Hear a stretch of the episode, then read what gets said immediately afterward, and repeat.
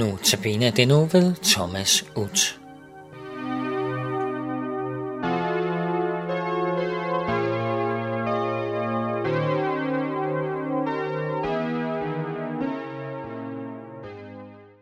Jesus sagde, at himmeriget ligner en vingårdsejer, der tidligere om morgenen gik ud for at lege arbejder til sin vingård. Da det blev aften, sagde vingårdsejeren til sin forvalter kald, arbejderne sammen og betalte deres løn, men sådan at du begynder med den sidste og ender med den første. Da de første kom, troede de, at de ville få mere, men de fik hver en denar. Da de fik den, gav de ondt af sig over for vingårdsejeren, men han sagde, se en af dem, min ven, jeg gør dig ikke uret, blev vi ikke enige om dig, med mig med om en denar. Tag det, som er dit, og god, og jeg vil give den sidste det samme som dig. Eller har jeg ikke lov til at gøre, hvad jeg vil med det, der er mit? Eller er dit øje ondt, fordi jeg er god? Sådan skal de sidste blive de første, og de første de sidste. Sådan læser vi i Matthæus kapitel 20. Jesus ser os og kalder os til at arbejde. Han kalder os til at fokusere på arbejdsgiveren og ikke på lønnen. Vi skal ikke fokusere som kristne på lønnen. Vi har markeret 70 år for befrielsen af fangerne i Auschwitz. Vi har hørt vidner fortælle om de dage og uger og år, som de tilbragte i nazi-tyskernes koncentrationslejre.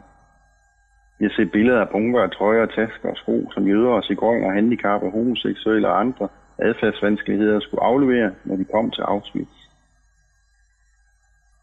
I denne lejr var håbet ikke stort. De skulle arbejde, og det skulle gøre dem fri. Men mange endte deres liv og skæbne i gaskammer og blev brændt og begravet i massegrav. Dette historiske faktum om menneskers grusomhed har med i håndbold VM og hvad vi ellers er optaget af, printet sig ind på vores nethinder. Og mennesker har på Facebook skrevet aldrig mere Auschwitz. Det gør indtryk at høre en grædende 84-årig mand fortælle om, hvordan han som dreng oplevede Auschwitz, og da russerne kom og befriede dem fra deres redsler, så var det børn, der var tatoveret med numre på armen og skin og ben, der mødte soldaterne. De var magre og trætte og desillusionerede. Men friheden kom. Redsel og mørke blev vendt til frihed, lys og håb for fremtiden. Aldrig mere Auschwitz. Husk det nu. Lær historien. Men vi mennesker, vi glemmer historien. Vi glemmer vores frihed. Lys og håb, og igen og igen dukker grufulde historier op om menneskers magtmisbrug og henrettelse og udryddelse af bestemte befolkningsgrupper. I Bosnien i 90'erne dukkede soldater, lukkede soldaterne igen op for massegrave.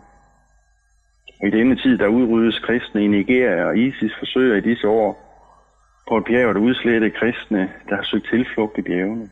Og jødehadet i Frankrig er stor, så soldater må sørge for, at børnene kan gå frit i skole. Jo, vi mennesker bliver ikke anderledes, selvom vi har historien, der burde lære os at elske hinanden i stedet for at hade hinanden, og hvad det fører med sig.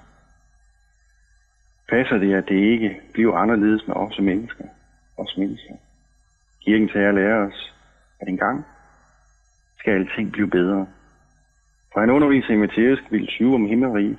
Flere gange i sin undervisning tager han begrebet himmerige op og fortæller os, hvad vi har at se frem til.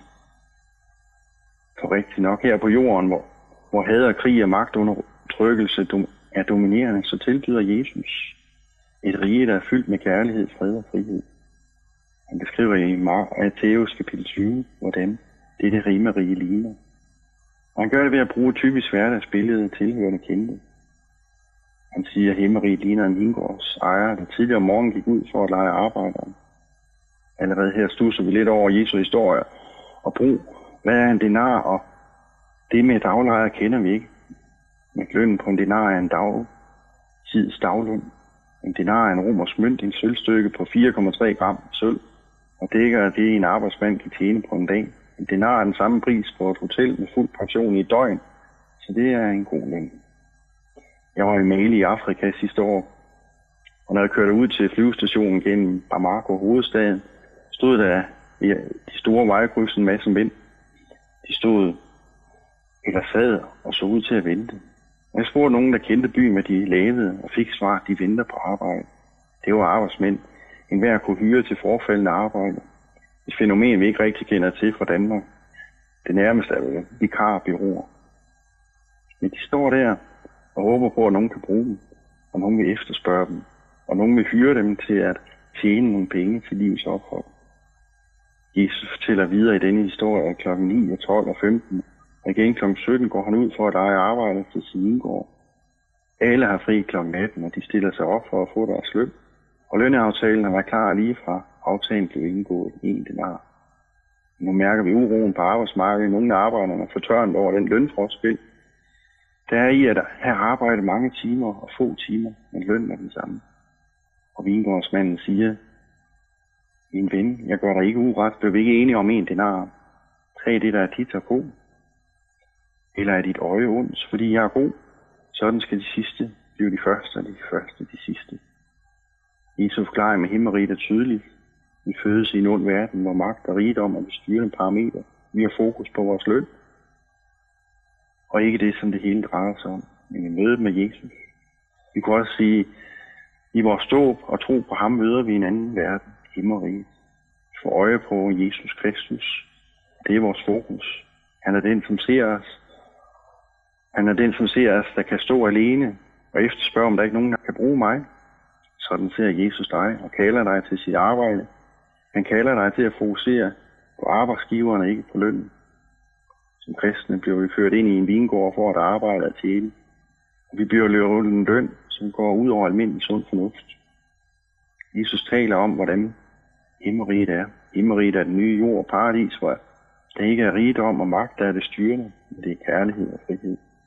Og himmeriget er altså noget, vi kan opleve her og nu, men som vi ikke fuldt ud kan tage imod.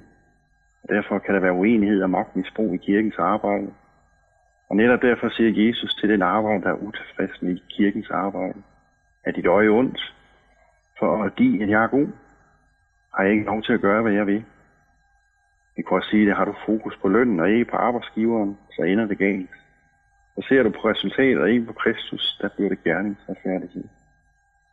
Jesus kommer tilhørende i møde med en øjenåbner. Er dit øje ondt? Hvad er det, du ser? Hvad er dit fokus i verden? Jesus bruger et andet velkendt ordsprog. Ser du ikke sklinten i en brors øjne, men ikke bjælken i dit eget? Jesus ved, at vi glemmer at fokusere på ham. Jesus ved med sin tilhører, at vi ofte er fokuseret på det, vi føler og mener. Og han forsøger med den fortælling, at vi skal åbne os for himmeriget, som er kommet. At Jesus fortæller historien om himmeriget til sine tilhører, er det fordi han ved, hvem vi er. Uanset om vi har kendt ham længe eller kort tid, så vil der opstå uenighed blandt kristne, misundelse og slader, alt slags elendigheder, som ikke, hører, ikke bør høre sig til i Guds kirke. Det vil alligevel være der. Derfor siger Jesus til os i dag, er dit øje ondt? Kan du ikke forstå, hvad jeg er kommet for at gøre? Er du ikke klar over, om uanset som du har fulgt Jesus hele dit liv eller ganske kort tid, så er lønnen den samme.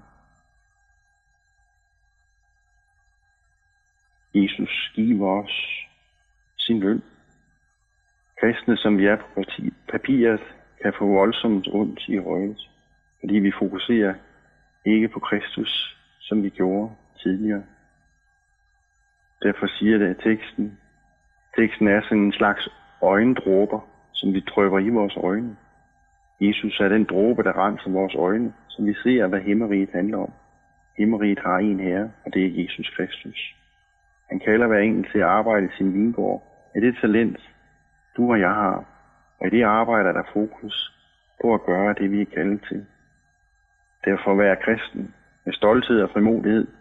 Se ikke til, om de andre kristne laver mindre eller mere. Se ikke til, om du fortjener mere løn og anderledes anerkendelse, fordi du oplever at tjene og arbejde hårdere i Guds rige. Men se med et rent og frisk øje på Kristus. For han er dine øjendråber, så du ser livet, som han ser livet. Han har kaldet dig. Og Jesus siger til dig, her er jeg, følg mig. Jeg ser dig. Jeg har brug for dig. Jesus siger, jeg vil give dig alt, hvad du behøver. Jeg vil fylde din mave, jeg vil fylde dit hjerte. Jeg er livets brød. Den, der følger mig, skal aldrig sulte. Og Gud vil sige dig til at se Jesus Kristus.